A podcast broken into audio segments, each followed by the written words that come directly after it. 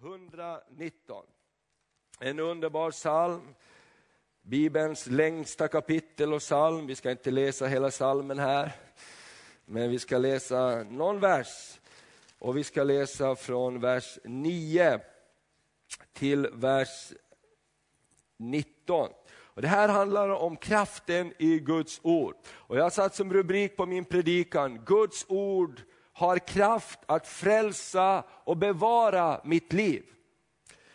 Och eh, då ska vi läsa ur Psaltaren 119, vers 9 till 19. Och det här är en eh, härlig psaltarpsalm, den handlar egentligen om tilliten och trösten och förtröstan på Gud och Guds ord, hela den här. Och den är en alfabetisk psalm och det är åtta verser för varje ord i det hebreiska alfabetet, därför har den blivit väldigt lång. Men det är härligt. Och vi läser då.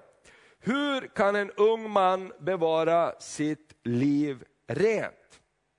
Jo, när han håller sig till ditt ord. Jag söker dig av hela mitt hjärta. Låt mig inte fara vilse från dina bud. Jag gömmer ditt tal i mitt hjärta för att jag inte ska synda emot dig.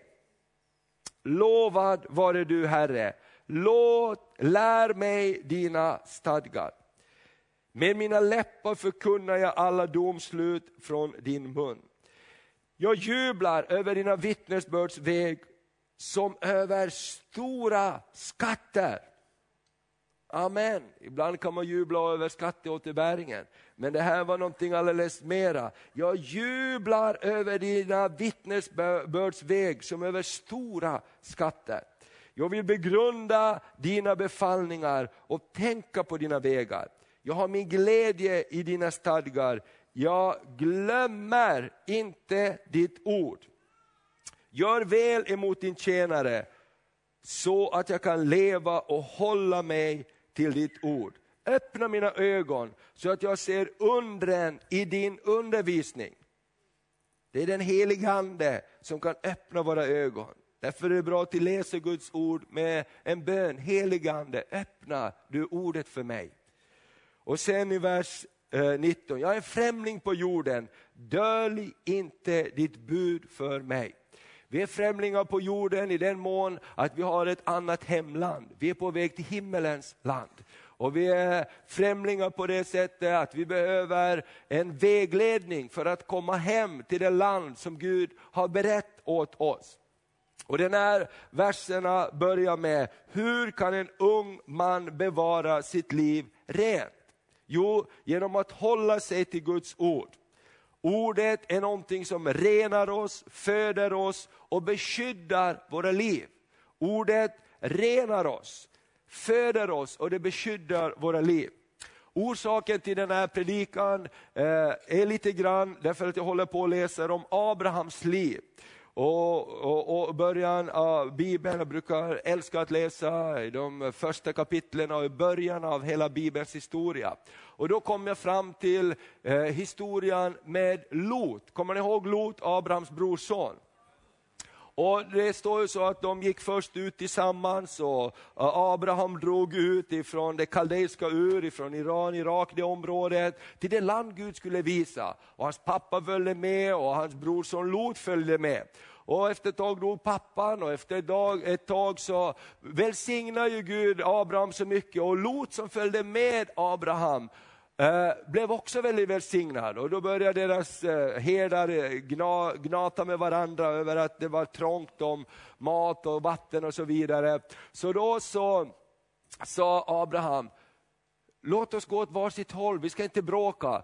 Välj den plats du vill gå, så, så går du dit och då går jag åt andra hållet. Det står att de stod uppe på, på en höjd och tittade ut och det står att Lot såg slätten breda ut sig framför dem med städerna Sodom och Gomorra. Det var en underbar vacker plats, det var skönt, det, det såg bra ut. Och då sa Abraham, okej, okay, okej, okay, går du dit, då går jag och stannar jag här i bergen och går åt andra hållet. Och det står att Lot drog iväg ifrån Abraham. och hände lite problem med honom och Abraham ryckte ut med sina, sitt folk och räddade honom en gång tillbaks ifrån fienden. Det uppstod mera problem för Gud fortsatte ju prata med Abraham. Och en gång så kommer Gud till Abraham. Det här är mellan alltså tiden innan Isaks Isak har fötts, det är i kapitel 19. Då kommer Gud till, i kapitel 18, då kommer Gud till, till Abraham och säger, synden i Sodom och Gomorra har stigit upp inför mig och jag vet inte vad jag ska göra. Jag kan inte se längre på vad som hänt för allt håller på att brytas sönder. Och då står det att Abraham träder in i förbön för sin brorson Lot som han vet att bor där och hans familj. Och han säger om det bor 50 ska du rädda staden, om det bor 40, om det bor eh, 30, om det bor 20. Han håller på och köpslår och står i förbön för sin, sin brorson Lots familj. För att inte Gud ska fördärva dem. Och då vet vi hur det går i kapitel 19, så står det att Guds änglar, sändebud kommer till staden och, mm, och, och staden är full av synd. Så de, så, och, och, och de här männen de kommer till Lot, de hittar Lot för de vill rädda Lot för Abrahams skull. Och så står det att männen i staden, folket i staden, börjar slå på dörren till Lots hus och säger så här, släpp ut de här männen som du har hos dig, som har kommit för att gästa ditt hus, för vi vill känna dem. Och det är samma ord som eh, det står när Adam kände Eva, alltså vi vill ha sex med de här männen. Därför så fördärvad var, eh, var, var, var Sodom, och där levde Lot mitt ibland dem. Och du vet, Lot han blev också påverkad av det här, så han ger det knäppaste svar jag någonsin har hört en pappa ge. Vet du vad han svarar? Han säger, nej ta inte de som har kommit för att gästa mig, men ta, jag har två ogifta döttrar här, ta dem och gör vad ni vill med dem. Till en skrikande folkhop som står utanför dörren och säger, ge oss dina eh, mänliga vänner som har kommit, för vi vill känna dem, vi vill, eh, vi, vill, vi vill förbruka oss på dem. Och pappan säger, men ta mina två döttrar här och gör vad ni vill med dem. Då har man blivit påverkad av någonting. Och jag läste hela storyn här, hur, Gud, hur de här männen bara drog in Lot, stängde dörrarna, slog folket med blindhet och räddade, folk, och räddade Lot och hans familj ut. Sen ser vi hur Lot säger så här, för änglarna säger, men har du inte några fler du vill att ska bli räddade? Jo, de här grabbarna som är trolovade, som jag har lovat åt mina döttrar egentligen, de borde ju komma med. Och här står att han försöker säga till dem, nu kommer det hända någonting fruktansvärt, Gud kommer att döma den här staden, men han vill rädda oss, kom med oss. Och det står att grabbarna bara skrattade åt Lot, för de trodde att han skämtade. Det var atmosfären. Vi vet när de gick iväg ifrån staden så kunde inte Lots hustru låta bli att vända tillbaka sina blickar emot Sodom. Fast Gud hade sagt, titta inte tillbaks, vad ni än gör, nu när vi drar, bara håll ögat rakt fram, håll kursen dit, då kommer ni att bli räddade. Ni får inte titta tillbaks, ni får inte låta er fångas av det som var fördärv för den staden. Men det står att hon kunde inte låta bli, och hon vände sig om och hennes liv blev förstört den stunden. Sen är inte storyn slut med det, utan eh, Lot och hans döttrar blir räddade och, de, och, och upp i bergen. Efter ett tag så säger Lots döttrar så här, men hallå här syrran, här finns inga karar. Det här blir ingenting, vad ska vi göra? Jo, vi super farsan full och så går vi in till honom och ser till och har sex med vår pappa och ser till att vi blir gravida så vi får någon avkomma överhuvudtaget. Så står det att en kväll då söp farsan full och, och, och, och så, så, gjorde, så gick de in och låg med honom utan att han visste vem det var, står det. Och ena flickan blev gravid, senare gjorde den andra på samma sätt och båda blev gravida. Och utifrån dem eh, barnen som föddes blev det två folk och det kan man läsa väldigt mycket om vad det blev av de, de, de folken. Men jag tänker bara på en kort tid, för det här är innan Isaks föds. Alltså det var 30 år mellan att Abraham fick löftet tills Isak föddes. Under den perioden hände allt det här. Och jag tänker så här, vi lever i en tid när allt runt omkring oss av normer, av värderingar, av saker som förut var helt otänkbara. Det bara är rakt upp på silverfat idag. Och det påverkar våra liv kanske mera än vi tror, den omgivning vi lever i. För Lot var ingen dum man. Han vandrar med Gud, han vandrar med Abraham, men han hamna i en omständighet som påverkar hans liv, hela hans familjs liv så till den grad att de höll på att gå under allihop. Och jag tänker så här, vad säger Bibeln till oss? Jo, vi lever i en tid den yttersta tiden, när ondskan växer till på jorden och innan Jesus kommer tillbaks. Och Gud, eh, Gud har gett oss sitt ord för att vi ska hålla kursen. Jesus säger, jag ber för er för att ni inte ska gå förlorade. Jag har gett er mitt ord, om ni tar emot mitt ord, om er, mitt ord förblir i er och ni förblir i mig, så ska ni bli bevarade. Eller hur? Han säger, om mitt ord förblir i er Amen. Och ni förblir i mig, då ska ni be om allting och ni ska bli beskyddade och bevarade. Guds ord är sänt. Gud sände ett ord till Abraham för att rädda sin, eh, sin brorson Lot. Och det här när jag tänkte på det här, det är ju så här det är så mycket idag. Den ena efter den andra kommer fram, och nu är Anja Persson sist, åh jag är lesbisk, jag ska bli mamma med en annan kvinna. Och alla säger, åh vad underbart att hon är frigjord. Jag tycker att det är inte förenligt med en kristen tro att benämna människor som en viss grupp på grund av handlingar de gör. Eller hur? Vi säger inte till en som dricker eh, öl att den är en alkoholist. Vi säger inte till en som gör ett fel att den är en sån person. Det är också någonting som fienden vill göra, vill stämpla, sätta in människor i olika grupper. Bibeln talar om olika synder som en handling som vi kan bli förlåtna ifrån och ska vända oss bort ifrån. Inte som en identitet av våra liv. Eller hur? Hur många av oss har gjort fel någon gång? Jo, vi har alla gjort fel. Men det betyder inte att vi är fel. Eller hur? Och det är just den där liksom bara tankeskiftningen, man bara, du är nu sån här. Och nu kan du inte komma ur det här, för nu är du en sån här. Och det där är jätteviktigt att vi säger, Bibeln skiljer på handlingar och identitet. Vi är alla syndare som behöver frälsning. Amen. Vi behöver nåd ifrån Gud. Och det här tänkte jag på, för det här gäller ju så mycket i våra liv. Och då behöver vi Guds ord. Hur ska jag bevara mig ren? Hur ska jag klara mig i livet? Jo, Gud har gett oss någonting som renar oss, som sköljer över oss, som, som lyfter upp oss, som eh, korrigerar oss in på spåret igen. Och det är Guds ord. Amen. Det är hans ord, hans levande ord. Amen. Och därför sände Gud en bok. Han sände inte en känsla i första hand, han sände en bok. Halleluja. Och boken förändras inte.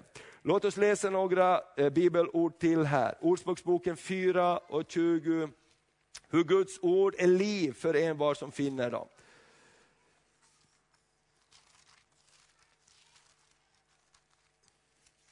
Ordspråksboken 4, 20-22.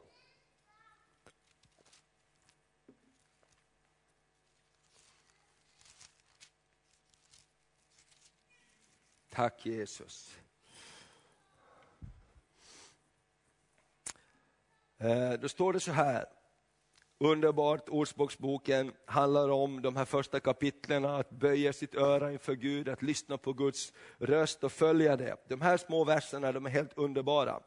Vers 20-22. Min son, ta vara på mitt tal, säger Gud, vänd ditt öra till mina ord.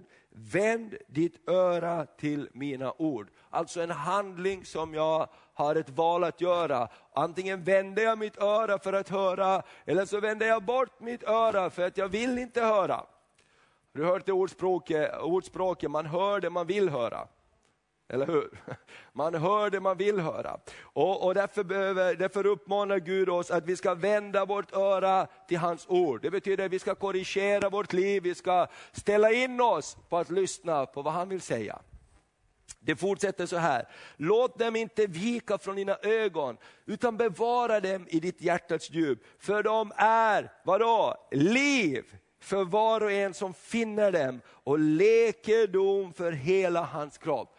Guds ord är liv för var och en som finner dem. Det betyder också att man måste anstränga sig ibland lite grann för att hitta dem. Eller hur? Det går inte bara, alltså vi lever i, i en liten uppförbacke i våra liv. Det är viktigt att påminna sig om det. Vårt liv är en liten uppförbacke för att du har blivit frälst. Och vet du vad?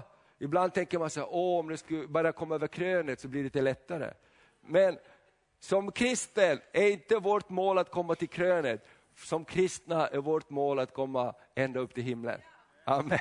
Och därför är det lite uppförbacke hela tiden och vi måste liksom göra små val hela tiden och lägga manken till. För gör vi inte det, så då finns det någonting i den här världen som bara är som en flod som vill skölja oss någon annanstans. Därför så behöver vi för det första vända vårt öra, ett val. Jag måste vända mitt öra. Jag måste se till, jag måste höra lite. Vet du, ibland så här, skruva upp ljudet, jag hör inte. Amen, jag måste vända mitt öra till den röst som kommer från Gud. Och jag måste söka för att finna ordet. Amen, jag måste söka för att finna det ord som ger mig liv. Och jag kan inte skylla på det, att ja, ja, men det är så, det är så. Ja, men då får jag ta lite tid för det, att söka ordet. Och jag vet utan att vara en profet, att för alla oss som sitter här som brukar läsa Bibeln, så är det ibland en fight att läsa Bibeln. Det går inte automatiskt. Det är lättare att läsa Öa än Bibeln, är det någon som har märkt det också? Det är lättare att göra någonting annat än att läsa Bibeln och Guds ord. På något underligt sätt är det det.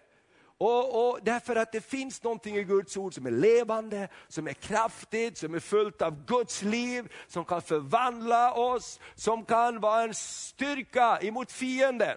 Kommer ni ihåg andens vapenrustning? Det är beskyddet, frälsningens hjälm, rättfärdighetens pansar, sanningens bälte, beredvillighetens skor, trons sköld som utsläcker Satans alla brinnande pilar.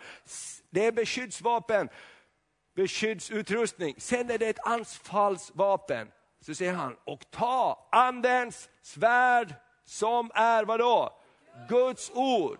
Amen. Tar vi ordet så finns det ett anfallsvapen i våra liv. Lever vi inte i ordet, tar vi inte emot ordet, så har vi ingenting att stå upp emot. Jesus sa så här när Satan kom emot honom, det står skrivet. Han sa inte så här, vet du inte om vem jag är? Fattar du inte vem jag är? Han sa ingenting han sa. Han sa, det står skrivet. Han gick till någonting som var större, starkare, stabilare för att ge oss ett exempel. Andens värld är Guds ord. Låt oss hålla oss till det. Låt oss titta eh, på ett annat bibelord här, Johannes 17. Det är den underbara Jesu överprästerliga förbön. Amen. Ni som eh, känner till här min predikostel vet att vi går från gamla testamentet till nya testamentet och så landar vi där.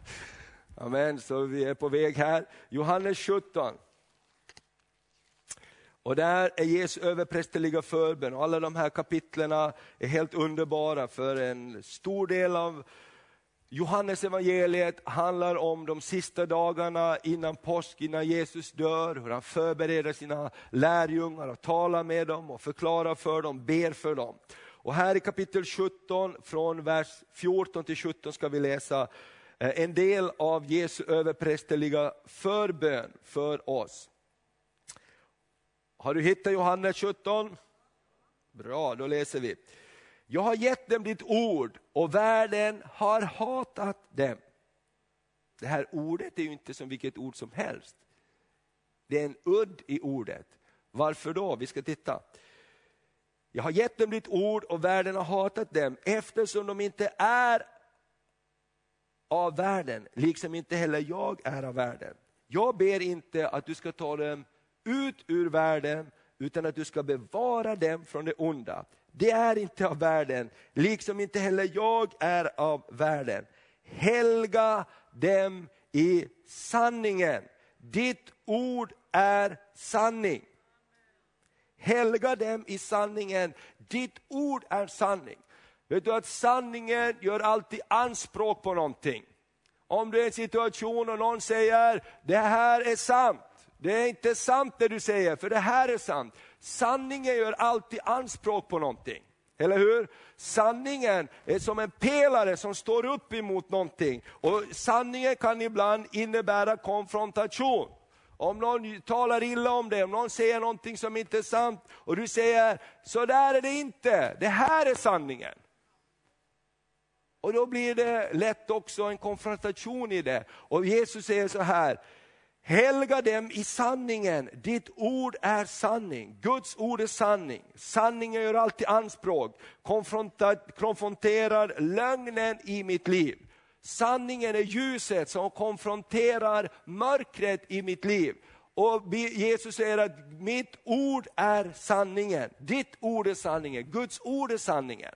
Så när vi tar emot Guds ord så tar vi emot någonting som kan korrigera våra liv. Amen. Sanningen kan korrigera våra liv. Och Det är också en orsak varför fienden vill hålla bort Guds ord ifrån våra liv. Därför det finns en korrigerande kraft i Guds ord. Amen. Vi kan bli överbevisade av synd genom den heliga Ande, genom Guds ord. Min mamma hon blev frälst när hon var 17 år och hon var ute och, och, och levde som ungdomar gör, då, roade sig och allt möjligt. Fick hon en traktat på gatan. Hon bodde i Helsingfors och, och, och var en ung flicka där. Och en, hon fick en traktat på gatan av en kompis eller hur det var. Och hon gick hem och började läsa den där. Och där var det Guds ord, vad Guds ord sa om hennes liv, om en människas liv. Om synd, om rättfärdighet, om frälsning och evigheten. Och hon gick hem och tog upp en bibel och hon sa, säger Gud verkligen det här om mig? Har Gud verkligen sagt det här? Att utan honom, utan att jag böjer mig för honom så går jag evigt förlorad. Hon sa, när jag börjar läsa det så börjar någonting hända i mitt liv. De orden börjar döma min synd i mitt liv. Och jag tror att det är därför vi ska låta Guds ord rikligen bo ibland oss. Därför vi hittar alltid en kompis som håller med oss hur vi än lever, så hittar du alltid en kompis som håller med dig och tycker synd om dig eller tycker som du. Men det är ju inte alls sagt att det håller på domens dag, eller hur? Amen.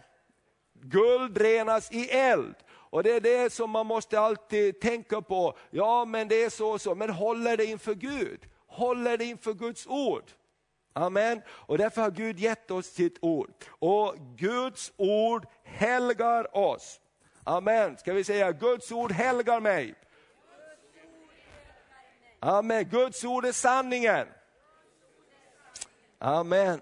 Och vad gör Gud? Jo, han vill bada oss rena. Efesierbrevet 5 och 23, och det är mitt näst sista bibelställe här. Efesierbrevet 5 och 25. Det här brukar man ibland läsa om man är frimodig på vigslar. Om man inte vill ha en alltför stor genusdebatt så låter man bli, men annars så kan man läsa det här, det är jättebra. Amen, för det är någonting vackert i det här, därför att man brukar bara läsa någon vers och inte alla verser och då blir det lite snett. Men i alla fall, jag läste det här på, på Susannes vigsel, Sausan på hans vigsel, deras vigsel. Och jag tänkte, det här är ju fantastiskt vad Gud säger om sin församling, vad Jesus gör med sin församling. Vers 25 27, Efesierbrevet 5. Ni män, älska era hustrur som Kristus har älskat församlingen och offrat sig för dem. Snacka om att höja ribban för att helga den sedan han renat den genom vattnets bad i kraft av ordet. För han ville ställa fram församlingen inför sig i härlighet utan fläck eller skrynka eller något annat sådant. Helig och fullkomlig skulle den vara. Amen. Hur gör han det? Hur tvättar han församlingen? Hur tvättar Jesus oss? Vi läser det igen. Ni män älskar hustrur och alla män säger amen. Som Kristus har älskat församlingen och offrat sig för den. För att helga den, sen han har renat den genom vattnets bad i kraft av ordet. Jesus vill bada oss rena. Jesus vill tvätta oss rena. Och vilken tvål använder han? Jo, han använder Guds ord. Amen. Eller hur? Gud använder sitt ord som tvål och vatten. Och ibland så får han oss att stå stilla på grund av att vi vill springa runt så mycket. Så ser han till ibland att vi måste stanna upp så han får gnugga öronen på oss. eller hur? Hallå där, nu vill jag prata med dig, jag behöver tvätta öronen på dig. För att du hör inte riktigt, du bara går din egen väg. Amen. Gud kan använda varje situation till sitt förhärligande. Och ibland är det så. Och Gud säger så här, jag vill tvätta er rena, jag vill bada er rena i kraft av ordet. Halleluja. Amen. Hur ska vi bli tvättade rena? Jo, vi måste låta Guds ord komma till oss. Vi måste låta Guds ord skölja igenom oss. Halleluja! Och då kan vi bli tvättade rena. Jesus säger i kapitel 15 i Johannes evangelie, ni är redan nu rena genom det ord jag har talat till er. Amen. Det finns en renande kraft i Guds ord. Och därför är det så viktigt att läsa Bibeln. Dina sinnen och dina tankar blir förnyade och renade när du läser Guds ord. Amen. Jag kommer aldrig glömma, vi hade när jag växte upp i församlingen, hade en härlig ungdomsgrupp och vi, vi ville se mer av Gud. Och det var en kompis som blev frälst och hon hade problem med onda andar. Alltså hon hade demoniska manifestationer i sitt liv som var väldigt kraftfulla. Och vi bad för henne och hon blev lugn och så här. Det var en väldigt tuff och fin tjej på allt sätt. Va? Och, och, och, och hon fick kämpa med det här. Och hon sa så här, ibland när jag blir anfäktad på nätter, jag kan inte sova, det bara sliter och river i mig. Det enda som hjälper, sa hon, det är att jag tar Bibeln, spelar ingen roll vad jag läser, men jag bara läser högt, då blir det lugnt igen. Och priset var Herrens namn, vet du, den tjejen har kommit igenom. Halleluja, hon, är, hon är, lever för Gud idag, hon har familj, hon har barn och, och, och hon har ett starkt vittnesbörd. Amen. Men hon fick också lära sig, det är Guds ord som renar mig. När inte kompisarna kunde vara där och be och stå emot Satan och djävulen, då, då fanns det någonting som var som läkedom för hennes liv, Guds ord. Hon lärde sig att leva beroende av, sitt, av Guds ord. Så om man tänker så här, fiendens bästa trick för att hålla Guds liv borta ifrån Guds folk, ta bort Guds ord. Det är det absolut bästa. Hur ska vi ha, känna så här, jag är inte frimodig för jag känner mig lite smutsig. Har du känt det någon gång så? Alltså när du ska gå iväg, nu talar jag inte andligt utan rent lekamligt, när du är på väg in i affären och säger, men jag har ju inte bytt kläder. Man känner sig lite smutsig eller man är på väg någonstans och man har spilt någonting. Det kan man ibland råka ut för som pastor om man ska dricka lite kaffe och ska man spilla på skjortan ska man predika. Om du har sett någon pastor som knäpper kavajen, då kanske det kanske är därför. Men man känner så här, wow, det är inte bra va? Eller om man känner, det är inte, äh, man tappar lite frimodigheten. Eller hur? I livet och så, så är det det andliga livet också. Om jag känner att smuts kommer, andligt smuts, jag känner mig inte ren, så känner jag mig inte heller frimodig i mitt liv. Och det är fiendens strategi för att hålla frimodigheten borta från Guds folk. Den där enkla barnsliga glädjen, att jag är frälst. Jag, jag, jag är förlåten. Amen. Det är det vi ska leva i. Jesus sa när vi läste här barnvälsignelsen, att den som inte är som ett barn kan inte komma in i Guds rike. Amen. Och du vet hur barn är, de är glada över små saker. Amen. Halleluja. När prisar du dig salig senast för att du är frälst, för att du är ett Guds barn. Halleluja. Amen. Bara de enkla sakerna. Tack Jesus för frälsningen. Tack att du har förlåtit mig. Tack att du har hjälpt mig. Amen. Och bara leva i det. Och det ger en frimodighet inför Gud, inför människor men också inför djävulen. Amen. Därför om inte Guds folk står upp emot ondskans andemakter, vem ska då göra det? Om inte Guds folk tar Jesu namn på sina läppar och säger hit men inte längre, gå Jesu namn. Vem ska då göra det? Om inte Guds församling står upp för sin stad, vem ska då göra det? Och därför så måste vi låta Guds ord rena oss, leva i Guds ord och säga Gud förlåt mig när jag går mina egna vägar. Jag ser ju att jag hittar på en massa grejer själv med mitt liv för att det ska vara så bekvämt som möjligt. Och du säger någonting annat. Amen. Halleluja. Halleluja. Jag predikar mig själv salig, imorgon har jag semester. Amen. Det kan vara många saker man hittar på, ja, men jag behöver inte betala tionde för jag ger ändå. Jag gör det och det och jag kan göra lite si och jag kan göra lite så och Gud känner mig och jag har en kompis som tycker att det är helt okej. Okay. Du vet, det är jättelätt att vi glider in i alla möjliga grejer. Och då, bara det, då har vi sagt Gud, du, ditt ord är inte högsta prioritet för mig. Det är bra, men det är inte högsta prioritet. Men Gud vill föra oss tillbaks och tvätta oss med sitt ord, så hans ord blir högsta prioritet. Amen. Och alltid är det inte så lätt att förstå så. Det är därför vi har en hel evighet på oss att klura ut allting. Amen. Det är bara så. Och vi får lära oss nytt hela tiden. Hela tiden kan vi lära oss någonting. Det sista bibelordet, är du redo för det? Bra. Första Petrus 1 och 22. Första Petrus kapitel 1 och 22. Och så läser vi lite grann in i andra kapitlet. Amen.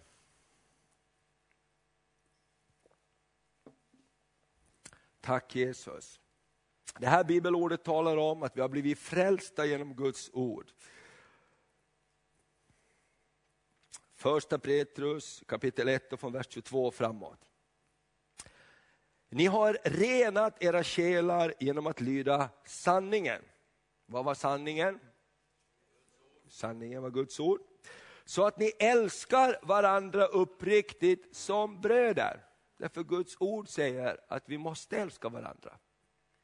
Eller hur? Vi har inte så många val. Det är bara att jobba sig igenom. Amen. Amen. Älska varandra uppriktigt som bröder. Älskar då varandra uthålligt av rent hjärta. behöver vi Guds hjälp till. Ni är ju födda på nytt, inte av en förgänglig sed, utan genom en oförgänglig, genom Guds levande ord som består. Ni är ju födda på nytt, inte av en förgänglig sed, utan genom en oförgänglig sed, genom Guds levande ord som består. Halleluja! Född på nytt genom Guds ord. Och, och, vi hörde här på middagen, Gideonitsmiddagen, en fantastisk berättelse om en ung man på eh, ett studentområde i USA som tog emot en bibel, fick en bibel av en Gideonit och hur hela hans liv förvandlades. Det var en fantastisk story. Och, och han, de, hade gjort, han var liksom, han, de hade gjort så mycket dåligt med sina kompisar så de tänkte vi måste göra någonting för att förbättra vårt rykte. Och då kom de på att ha ett bibelstudie, det kan alltid vara bra. Liksom. De var inte alls kristna eller så. Och då kom han ju på att jag är ordförande för den här liksom studentföreningen, det är jag som måste hålla i det här. Då. Jag måste skaffa en bibel. Då kom Gideonit och gav honom en bibel som en hälsning från Gud. Och den mannens liv blev förvandlat. Och idag så predikar han varje söndag för ungefär 50 000 människor. Han som har gjort den här download-appen eh, för Bibeln. Och många har Bibeln på sin telefon. Det är bra att jag har Bibeln i telefonen. Han som har kommit på den och gjort den, och många har sagt till honom, men kan du inte sälja den, för det är, ju, det är ju så många, jag vet inte hur många miljoner som laddar ner den. Massor av miljoner som laddar ner Bibeln på sin telefon. Han sa aldrig att jag säljer den, den här ska vara gratis. Någon gav Guds ord gratis till mig, det förvandlar mitt liv. Amen. Alltså Guds ord kan göra sån skillnad. Och därför tror jag också fienden jobbar på högtryck för att vi ska få damm på vår bibel. Så jag vill uppmuntra dig den här sommaren, ta fram din bibel. Läs din bibel varje dag. Halleluja, innan du stiger upp. Du kan läsa en kapitel innan du stiger upp om du vill. Ligga i sängen så läser du. Eller när du gör det. Men om du förstår lite grann, jag hoppas att du har fått tag på lite grann av det jag har talat om här idag. Då tror jag att du ser vikten också av att leva med Guds ord i våra liv. Som en reningskälla för att hålla kompasskursen på korrekt. Vi läser det här vidare här i första Petrus 2, 1 och 22. Eh, ni har renat era själar genom att lyda sanningen, så att ni älskar varandra uppriktigt som bröder. Älskar då varandra uthålligt av rent hjärta. Ni är födda på nytt, inte av en förgänglig sed, utan genom en oförgänglig, genom Guds levande ord som består. Ty allt kött är som gräset och all dess härlighet som blomman i gräset. Gräset vissnar bort och blomman faller av. Men Herrens ord förblir i evighet. Det är detta ord som har förkunnats för er. Lägg därför bort all slags ondska, falskhet, hyckleri, avund och förtal. Längta som nyfödda barn efter den rena andliga mjölken, så att ni genom den växer upp till frälsning. Då ni nu har fått smaka att Herren är god. Halleluja. Den här boken smakar gott. Amen. Den här boken smakar gott och den är som mjölken för ett nyfött barn. Det är allt vad den behöver finns i modersmjölken. Amen. Guds namn, ett av hans namn är El Shaddai som betyder bröstmjölkens Gud. Jag vill förse dig med allt vad du har. Och jag brukar säga det, jag har välsignat med fem barn som har blivit ammad av min underbara fru och det finns en hemlighet för att bli ammad. Det finns en hemlighet för att bli ammad, det lyckas inte annars. Man måste komma nära. Det går inte att bli ammad på avstånd. Det går inte med sugrör, man måste komma riktigt nära. Eller hur? Man måste vara riktigt nära mammas bröst för att få riktigt tag på det där. Va? Och när barnet växer och tänderna växer så märker mamman mycket väl av det där. När tänderna börjar komma fram. Ah! Och så vidare. Så jag har lärt mig det, för att få tag på bröstmjölken för ett litet barn, och vi är Guds barn. Amen, så ska vi komma nära nära Faderns hjärta, nära det ord som han har gett oss, den mjölk som han har serverat oss. Och den är också till för fast föda. Vi kan gå från mjölk, som Bibeln säger, till fast föda. Låt det vara någonting fast i våra liv. Guds ord som är fasthet i våra liv. Hur en stormen viner. Halleluja, Guds ord förbliver. Amen. Det finns någonting som är fastare än allt det här som är gräset och blomman som förgår. Allt som vi ser runt omkring oss kommer att rosta och förgå. Guds ord förblir. Amen. Bygger vi våra liv kring Guds ord, låter vi Guds ord rena oss, låter vi ha den här köljningseffekten i våra liv. Jag ser det, jag behöver det. Jag behöver rena mitt sinne, jag behöver leva i en flöde av Guds ord så att jag kan leva nära Jesus så jag inte tappar min frimodighet. Amen. Det värsta som finns är att vara kristen och inte ha frimodighet. Det är ju fruktansvärt. Gå med dåligt samvete hela tiden. Det är ju liksom ingen idé. Eller hur? Kristna livet är glädjens budskap, för jag har blivit förlåten. Amen, jag har blivit satt fri. Och för att jag ska leva i den frälsningen som Petrus säger, så vi växer upp i frälsningen. Såg du den här sista versen där? Vers 2 i Petrus brev, så att vi växer upp i frälsningen. Jag tyckte den var så härlig. Alltså det är för frälsning ett, ett pågående verk i våra liv. I vers 2 i kapitel 2. Längta som nyfödda barn efter den rena andliga mjölken så att ni genom den växer upp till frälsning. Amen. Idag har jag behov som jag inte hade igår. Imorgon kommer jag möta utmaningar som jag inte har mött idag. Det är en process hela vägen. Och som vi sa, uppför backen slutar inte innan pärleporten möter oss. Halleluja. Så det är bara att mata på, vi måste ha mera energi. Eller hur? Mera bruk i baljan. Mera gröt på tallriken, mera andlig mat, mera Guds ord så vi kommer fram. Halleluja, och tvättar oss rena under resan så vi inte lider skeppsbrott. Vi får ha Guds ord som en kompass. Amen.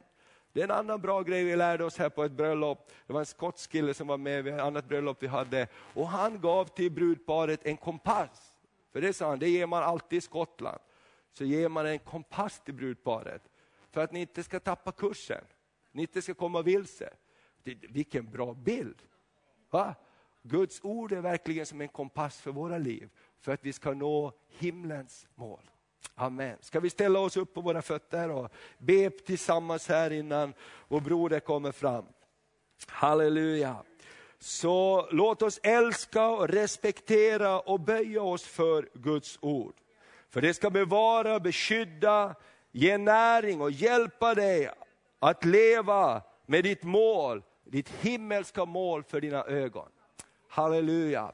Och nu när du står där så är det alltid säkert så att vi, vi kan vara för, känna fördömelse, jag har läst för lite Guds ord och jag skulle gjort mera och så. Men gårdagen är förbi, idag hjälper Herren. Och imorgon är din bästa dag. Och idag är din bästa dag. Så idag börjar vi ett nytt liv, eller hur? Ikväll kan du läsa Bibeln. Amen. När du går och lägger dig. Imorgon tar du fram den och läser den. Halleluja. Amen. Halleluja, tack Jesus. Fader jag bara tackar dig för ditt ord Herre som är fyllt av kraft Herre. Tack att ditt ord är fyllt av förvallande, renande, helande och helgande kraft Herre. Och vi ber om förlåtelse när vi inte har tagit ditt ord som det verkligen är, när vi inte har tagit det till våra hjärtan Herre, när vi inte har sett det som en skatt som är värd att leta efter, när vi inte har böjt vårt öra eller vänt vårt öra för att höra. Herre förlåt oss och vi vill den här stunden bara säga, Herre Tack att du undervisar oss, öppnar våra öron så vi kan se och ögon, så vi kan höra och vi kan se undren i din lag. Jag bara ber om en ny kärlek till ditt ord Fader, i mitt liv, i allas liv Fader, så vi inte kan låta bli att läsa ditt ord Herre, så vi inte kan låta bli Herre, att ta kanske ett kapitel till, att vi lever med Guds ord. Jag ber Fader, låt inte den här sommaren bara gå förbi, att det blir damm på någons bibel. Jag ber Fader, när man packar sin väska, att Bibeln ska ligga med där, överst Herre. Herre jag ber med familjen att man tar tid och läser ett Guds ord vid frukosten. Herre jag ber för våra liv Herre, så vi kan nå målet, så vi kan bli frälsta till fullo Herre, och komma hem till himlen. Jesus jag bara tackar dig, att du löser också från fördömelsens bok Herre. Därför ditt ord gör oss fria. För att vi ska vara fria har du gjort oss fria. Tack Fader för en ny start för många människor den här dagen. I Jesu Kristi namn Herre. En ny start Herre. Vandra med dig. Låta ditt ord rena oss och viljan att böja sig under ditt ord. Halleluja. I Jesu namn. Amen. Amen, amen. Ska vi säga så här. Tack Gud för ditt ord. Det är levande. Det är fyllt av liv. Det är till frälsning för mig. Det är till korrigering för mig. Hjälp mig att ändra mitt liv så det stämmer ihop med ditt ord. Låt ditt ord vara mina fötters lykta och ett ljus på min stig. Låt ditt ord vara kompassen i mitt liv. Jag tar emot ditt ord som en skatt. Och jag vill läsa ditt ord. Jag vill följa ditt ord. Jag vill lära känna dig Gud. Genom ditt ord. Tack Gud för att du har gett oss Bibeln. Tack att himmel och jord ska en gång förgås. Men ditt ord ska aldrig förgås. Tack att det är fastheten i mitt liv.